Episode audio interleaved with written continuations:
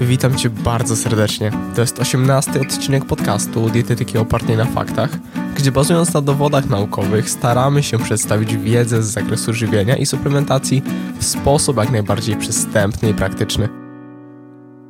Jedzenie na mieście raczej nie kojarzy się ze zdrowym i racjonalnym żywieniem. Najczęściej mamy na myśli wtedy fast foody, tłuste, kaloryczne potrawy, desery itd. Czy jednak da się zrobić to w sposób rozsądny? Kiedy to jest problem? O czym warto pamiętać i jakie wybory warto rozważyć? O tym i o paru innych rzeczach w dzisiejszym odcinku. Zapraszam do materiału.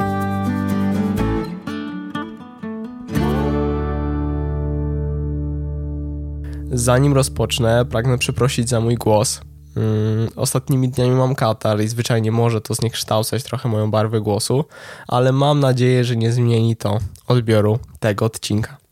Stąd przechodząc już do kontentu. Na wstępie zaznaczę, że zjedzenie okazjonalnie, raz na czas, czegoś na mieście nie zniweczy całego naszego zdrowego stylu życia czy redukcji masy ciała.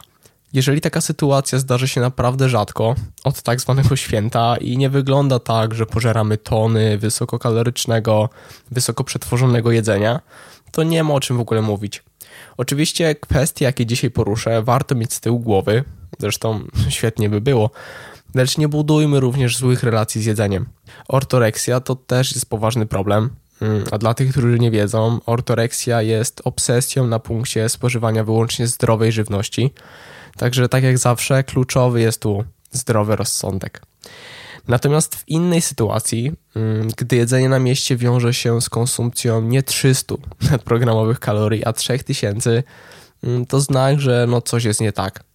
Może się okazać, że nasza codzienna dieta mm, jest na tyle restrykcyjna, że wymyka nam się to trochę spod kontroli, e, a u niektórych to wręcz napad kompulsywnego obiadania się, czyli no, realne zaburzenie odżywiania. Mm, a BED, czyli binge eating disorder, czyli to napad mm, kompulsywnego obiadania się, charakteryzuje się jedzeniem szybciej niż normalnie, konsumpcją do poczucia dyskomfortu, spożywaniem bardzo dużych ilości jedzenia, konsumpcją pomimo braku fizycznego uczucia głodu, czy poczuciem winy mm, po tego typu epizodzie. I no, nie należy tego lekceważyć i warto wtedy podjąć działania ukierunkowane na odzyskanie kontroli nad jedzeniem, bo w takich sytuacjach to nie są, e, to nie są zwyczajnie żarty. Mm, ok, i jeszcze jest inna trochę sytuacja, czyli przypadek osób, u których jedzenie na mieście jest wręcz taką codzienną rutyną. Wtedy wybory zdecydowanie mają znaczenie. Stąd, przechodząc do głównego wątku, Mm, chcę podzielić odcinek na dwie krótkie części, bowiem jedzenie na mieście można rozumieć trochę dwojako. Jako jedzenie w restauracji, barze, szybkiej obsługi, budce z kebabem i tak dalej, ale i zwykłą konsumpcję czegoś na szybko, to znaczy tak bez przygotowania w domu. Chodzi tu zwyczajnie wyjście do sklepu. Zatem rozpoczynając od restauracji, tutaj też należy to rozłożyć na kilka kwestii, Pierwsza w przypadku osób, które liczą kalorie, prowadzą swój dzienniczek żywieniowy i chcą taki, nazwę to wybryk, wliczyć. I paradoksalnie najłatwiej jest w znanych każdemu sieciowych barach szybkiej obsługi. Wynika to z tego, że posiadają one szczegółowe dane o wartości odżywczej każdego z produktów, mm, ale niestety, jak wskazują niektóre dane, i te deklarowane wartości mogą się trochę różnić, i to niekiedy nie mało, bo nawet o ponad 100 kilokalorii na porcję.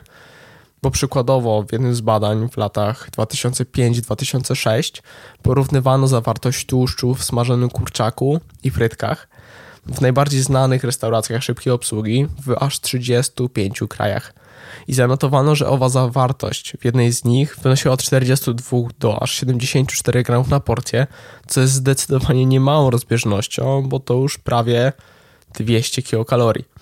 Ponadto kaloryczność tego typu produktów może dalej rosnąć. Dziwnie to trochę brzmi, ale na przestrzeni ostatnich kilkudziesięciu lat notuje się konsekwentny wzrost wielkości porcji. Przykładowo, według niektórych danych, kaloryczność mm, deserów wzrastała o 62 kilokalorie na dekadę, bo rosła ich zwyczajnie wielkość o około 24 gramy na dekadę. Mm, stąd też porcje tego typu produktów są po prostu coraz większe. Natomiast jeżeli chodzi o restauracje, czy takie osiedlowe, przysłowiowe budki z kebabem, no to to już jest czysty strzał. Praktycznie w ogóle się nie zdarza lub zdarza się to bardzo rzadko, by podana była zawartość kalorii czy poszczególnych makroskładników. Zresztą i w tym przypadku byłoby to solidne uśrednienie. No i oczywiście można zakładać pewne wartości, lecz w praktyce wychodzi to niestety kiepsko. Tego typu potrawy są często ponadprzeciętnie tłuste i mogą się okazać bardziej kaloryczne niż mogłoby się wydawać. Dlatego oczywiście no można szacować, lecz w moim mniemaniu w takim przypadku lepiej bazować na zdrowym rozsądku niż bawić się w przeliczanie i kalkulowanie. Warto jednak, by nie stało się to zwyczajnie nawykiem. Kolejną kwestią są zdrowe wybory mm, i z tej perspektywy warto przede wszystkim zadbać o porcje warzyw, wybierać produkty mało lub przynajmniej mniej przetworzone, mniej kaloryczne i bardziej wartościowe. Wydaje mi się, że nie muszę tłumaczyć, iż sałata i pomidor w hamburgerze nie sprawiają, że jest on rozsądnym wyborem. Natomiast ciekawym rozwiązaniem są restauracje, gdzie istnieje możliwość samodzielnego komponowania posiłku. Na przykład restauracje, w których posiłek kupujemy na wagę. I w takim przypadku świetnie jest skomponować coś smacznego, lecz bogatego w warzywa i no w miarę rozsądnego, bez lejącego się tłuszczu. Mm, a w razie wątpliwości można przecież zapytać o szczegóły mm, osoby, które tam pracują, szczegóły dotyczącego na przykład jakiegoś tam konkretnego składnika. Można skorzystać również z restauracji z sałatkami.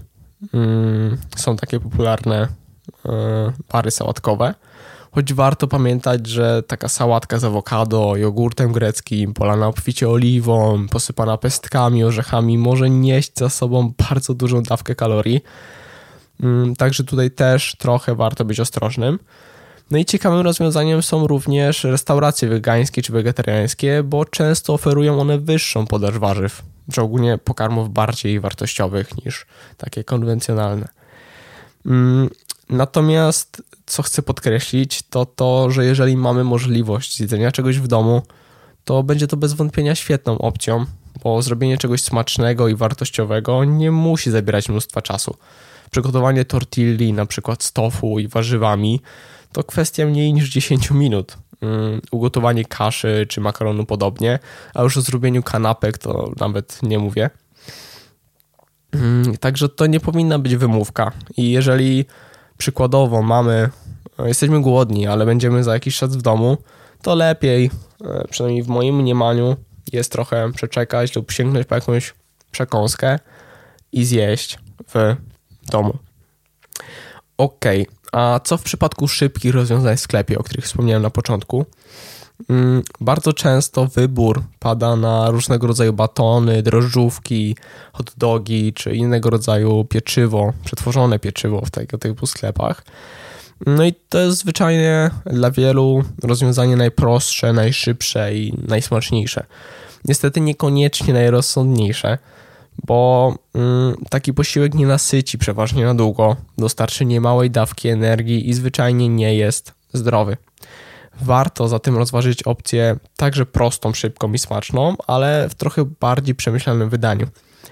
Z czego można skorzystać? Na przykład z owoców, aktualnie na przykład z jabłek, mm, z gruszki, z brzoskwini, z banana, e, a także warzyw, bo w sumie aktualnie już w większości takich większych sklepów można łatwo dostać na przykład pokrojone marchewki.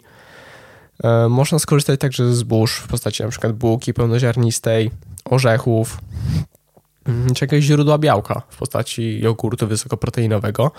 I tak naprawdę z tego wszystkiego można skomponować pełnowartościowy posiłek.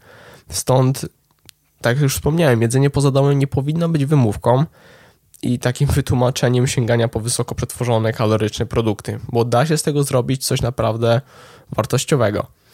Dochodząc do konkluzji, należy rozróżnić okazjonalne wyjścia, podczas których pozwalamy sobie na odrobinę luzu, od wymykających się spod kontroli napadów obżarstwa czy codziennej, niekoniecznie rozsądnej rutyny. Bo da się do tego podejść w sposób luźny, smaczny i przyjemny, lecz z zachowaniem rozsądku. Ok, ale zanim się z Wami pożegnam, to chcę się z Wami podzielić informacją na temat projektu, nad którym pracowałem razem z Centrum Szkoleń Sportowych przez ostatnie właściwie około 4-5 miesięcy. Mm, już to jest trochę odrębny temat niż jedzenie na mieście, ale jeszcze trochę Was zatrzymam, bo naprawdę jestem podekscytowany tym wydarzeniem.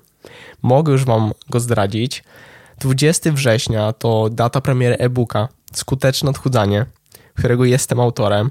Wymagało to ode mnie naprawdę dużego zaangażowania i cierpliwości.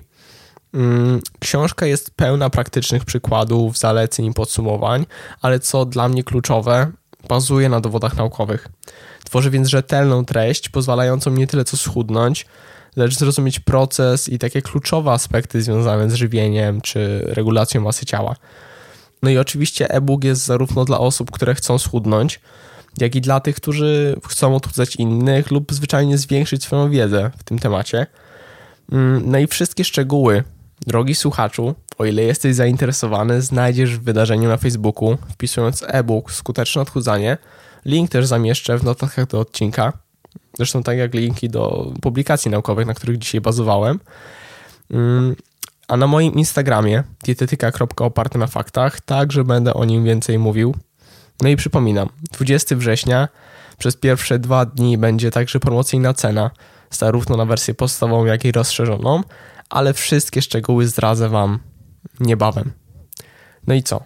To już tyle ode mnie na dzisiaj. Dość krótki odcinek, ale mam nadzieję, że na tyle praktyczny, że niektórym się przynajmniej przyda. Stąd do usłyszenia już niebawem. Hej!